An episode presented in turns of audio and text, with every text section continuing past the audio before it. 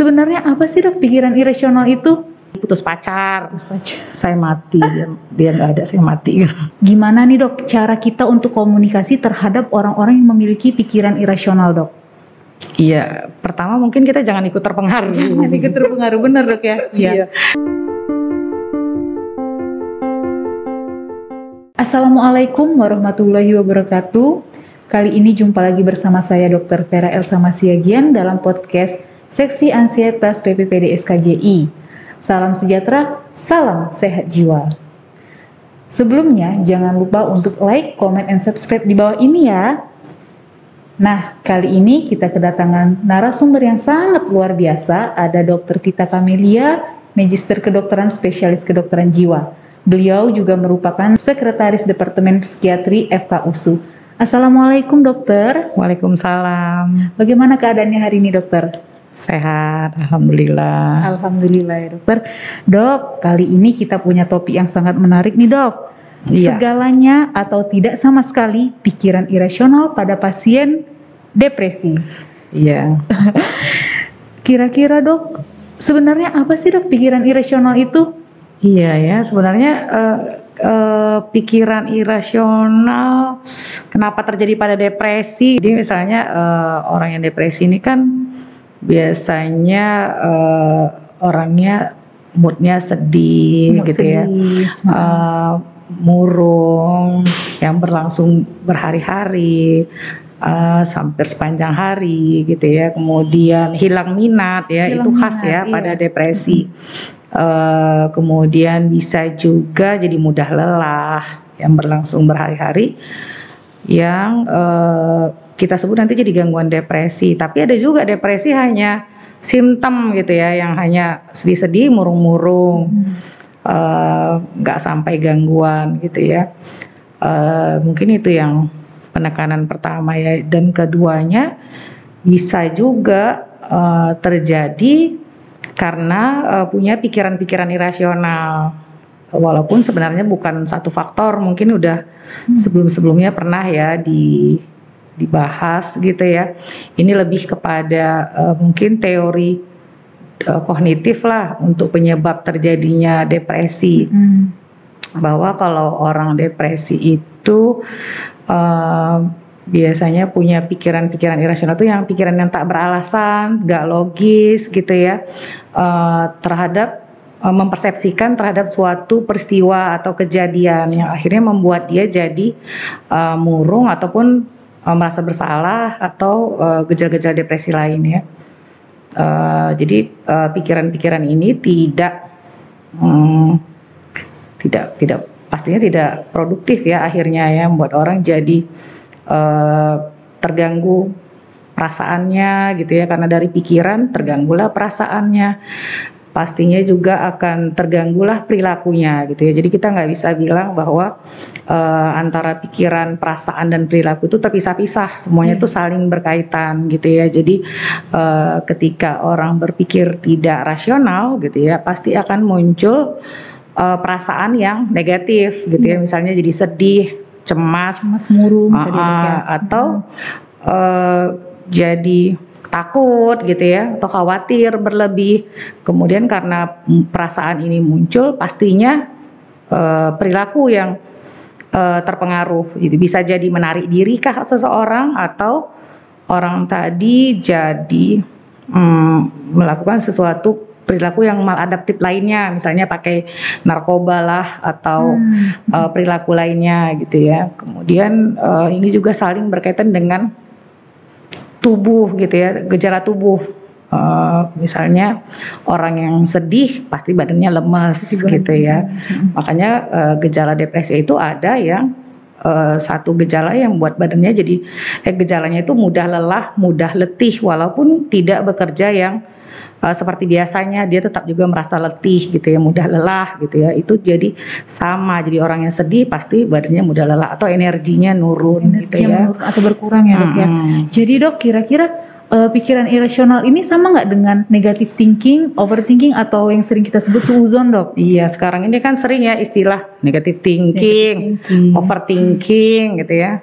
Nanti suka-suka datang bilang, dok saya ini overthinking ya dok, atau eh, suujon gitu ya kata mungkin karena suujon ini kita nanti mungkin satu-satu kali ya kalau negatif thinking ini pastinya kan pikir hampir sama dengan uh, uh, pikiran irasional tadi hampir sama dengan negatif thinking atau uh, negatif thinking sih sebenarnya gitu ya. Jadi uh, uh, pikiran irasional tuh ya negatif thinking gitu ya. Uh, kemudian yang overthinking yang sering juga sekarang anak-anak sekarang suka pakai istilah overthinking yaitu biasanya ketika orang uh, terlalu banyak menghabiskan waktu untuk memikirkan suatu hal gitu ya. Hmm. Biasanya hal-hal ini juga suatu uh, yang berisi sifatnya negatif.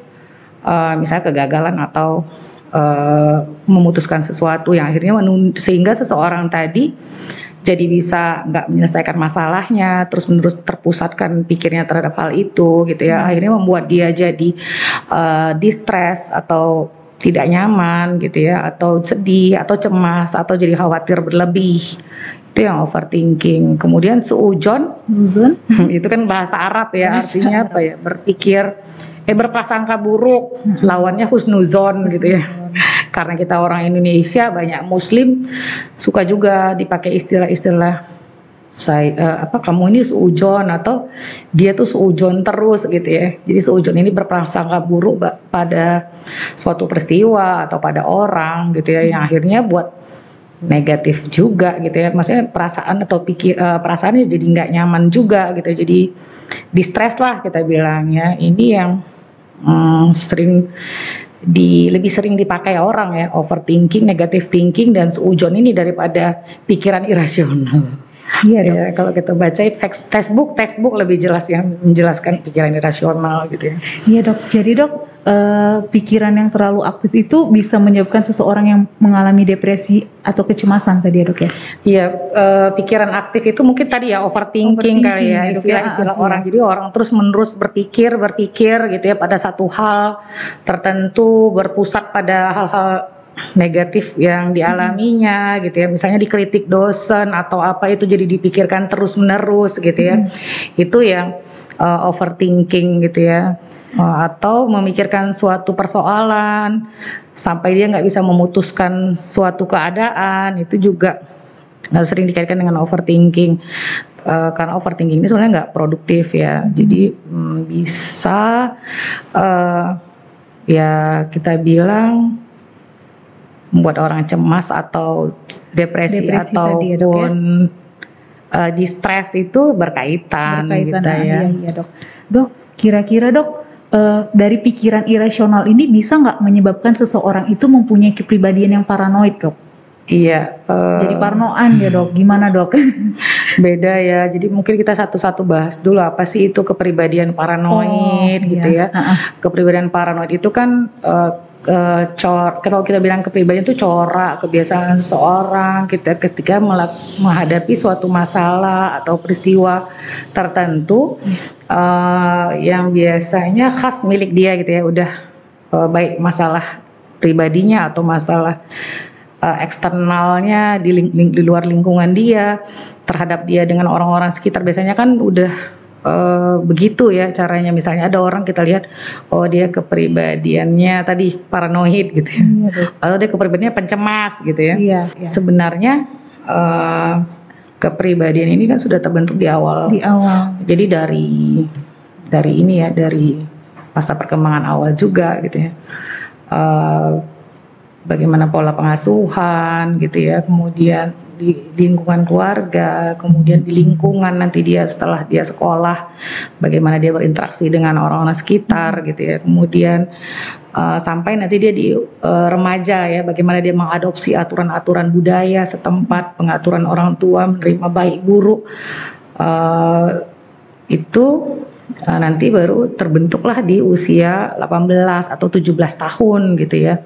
Itu kepribadian dan kepribadian ini paranoid nggak bisa kita bilang hanya karena pikiran, pikiran irasional saja buat dia hmm. jadi kepribadian paranoid atau kepribadian paranoid yang membuat dia pikiran irasional itu juga oh. bisa gitu ya jadi orang yang kepribadian paranoid itu sifatnya kan pencemburu egosentris gitu ya kemudian selalu uh, berpikir hmm, tadi ya uh, hal-hal baik dari orang orang melakukan hal-hal baik dia pikirkan bahwa ada maksud-maksud tertentu. Kayak curiga ya dok ya, ah, ke, ya. bahwa ada ada niat tersembunyi dari perilaku baik seseorang gitu ya.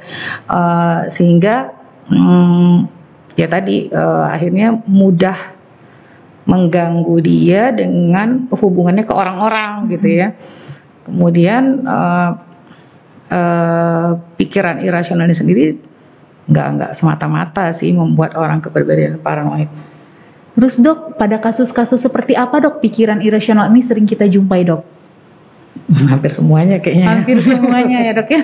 ya karena sekarang kan teori uh, kenapa ada pikiran irasional karena kan ini pertama kali dulu uh, ini ya Albert Ellis ya ahli ahli uh, psikoterapi yang bergerak di rasional emotif behavior terapi kemudian ada Aaron Beck untuk kognitif behavior yeah. kognitif terapi kemudian ada kognitif behavior terapi gitu ya itu uh, bukti-bukti penelitian sekarang mendukung bahwa uh, psikoterapi yang ber, ber bergerak memperbaiki pikiran-pikiran irasional ini akhirnya akan memperbaiki uh, perilaku seseorang sehingga uh, sorry uh, psikoterapi ini akan memperbaiki pikiran irasional tadi dengan mengganti pikiran yang lebih uh, lebih adaptif lebih sehingga adaptif, nanti ya, uh, perasaan distres atau cemas atau depresi atau ketakutannya terhadap suatu situasi atau rasa marah gitu ya itu jadi tergantikan dengan emosi yang uh, lebih positif gitu ya. Hmm. jadi bisa lebih menerima gitu ya atau sabar atau uh, lebih menurun depresi atau ansietasnya atau bahkan uh, uh, hilang gitu ya berkaitan dengan patologis tadi. Dengan patologis tadi ya dok Dok, kemudian pada kasus depresi, apakah ada pikiran irasional yang khas, dok? Hmm, ya, uh, jadi kan tadi ya kalau misalnya kenapa orang depresi, ya ada. Jadi hampir sama sih. Uh, kenapa juga orang cemas, kenapa orang depresi, kenapa orang jadi pengguna narkoba gitu ya. Jadi ada pola-pola berpikir yang uh, di, di diteliti dikatakan pikiran yang irasional tadi tadi atau uh, negative thinking juga atau pikiran distorsi gitu ya istilah-istilahnya uh, ya. jadi itu pertama misalnya tadi uh, sesuai judulnya tadi segalanya atau tidak sama sekali. Misalnya orang depresi kan itu depresi tuh biasanya stresornya tuh kehilangan. Kehilangan. Kalau dia putus ya. pacar misalnya, aduh kalau dia nggak ada saya mati. Iya iya dok. gitu ya. Atau uh, kalau orang yang cemas misalnya ya, wah saya ini gagal total gitu. Jadi hmm. padahal misalnya cuma satu saja dia kegagalannya gitu ya. Misal tadi dia kehilangan pacar tapi masih ada keluarganya utuh atau dia kehilangan satu anak, dia bilang saya mati, saya mati, saya nggak bisa lagi nafas kalau dia nggak ada misalnya.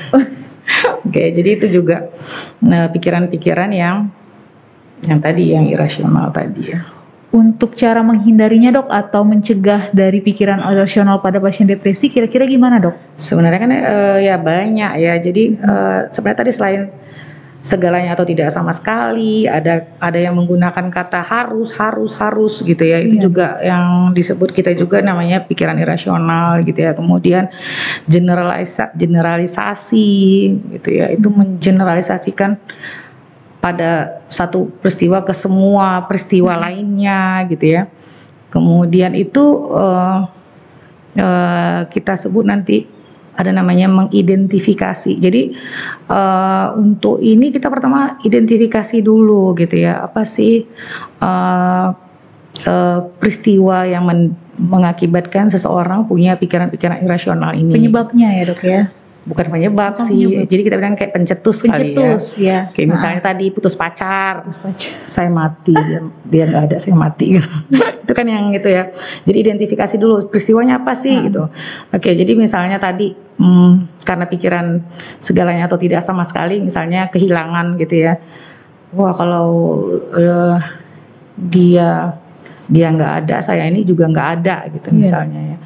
Oke, uh, itu kita peristiwanya, kita analisis, kita identifikasi, kemudian akhirnya muncul tadi pikiran yang irasional, baru segalanya atau hmm. tidak sama sekali saya mati nih kalau nggak ada dia gitu. Kemudian konsekuensinya pasti sedih kan? Yeah. Bayangkan kalau uh, dia cuma punya pikiran seperti ini, kalau dia nggak ada, oh saya juga nggak ada gitu.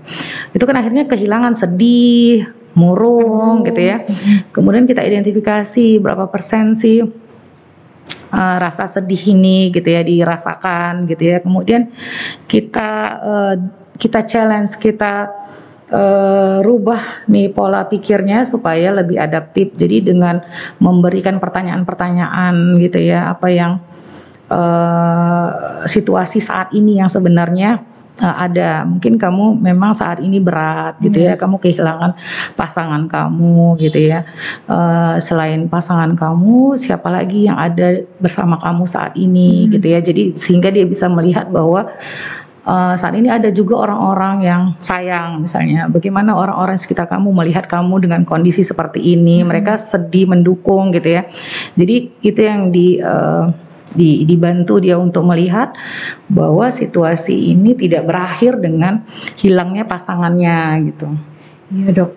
Jadi dok uh, untuk dampak terbesar pikiran irasional dalam kehidupan sehari-hari baik itu pekerjaan, kehidupan rumah tangga atau kehidupan sosial seperti apa dok dampak terbesarnya dok? Ya, uh, karena itu pertanyaannya dalam ya. Jadi hari terpaksa saya berpikir apa satu aja bisa langsung membuat fungsi terganggu. Banyak orang sih uh, beberapa orang gitu ya misalnya bisa saja punya pikiran seperti itu nanti dia bisa apa namanya tuh menghilangkannya sendiri gitu ya dengan dengan uh, dengan kemampuannya uh, atau coping strategisnya gitu ya. Atau cara dia mengatasi masalahnya itu gitu ya. Nggak mesti juga terganggu ya kalau hanya satu hmm. saja pikiran irasional.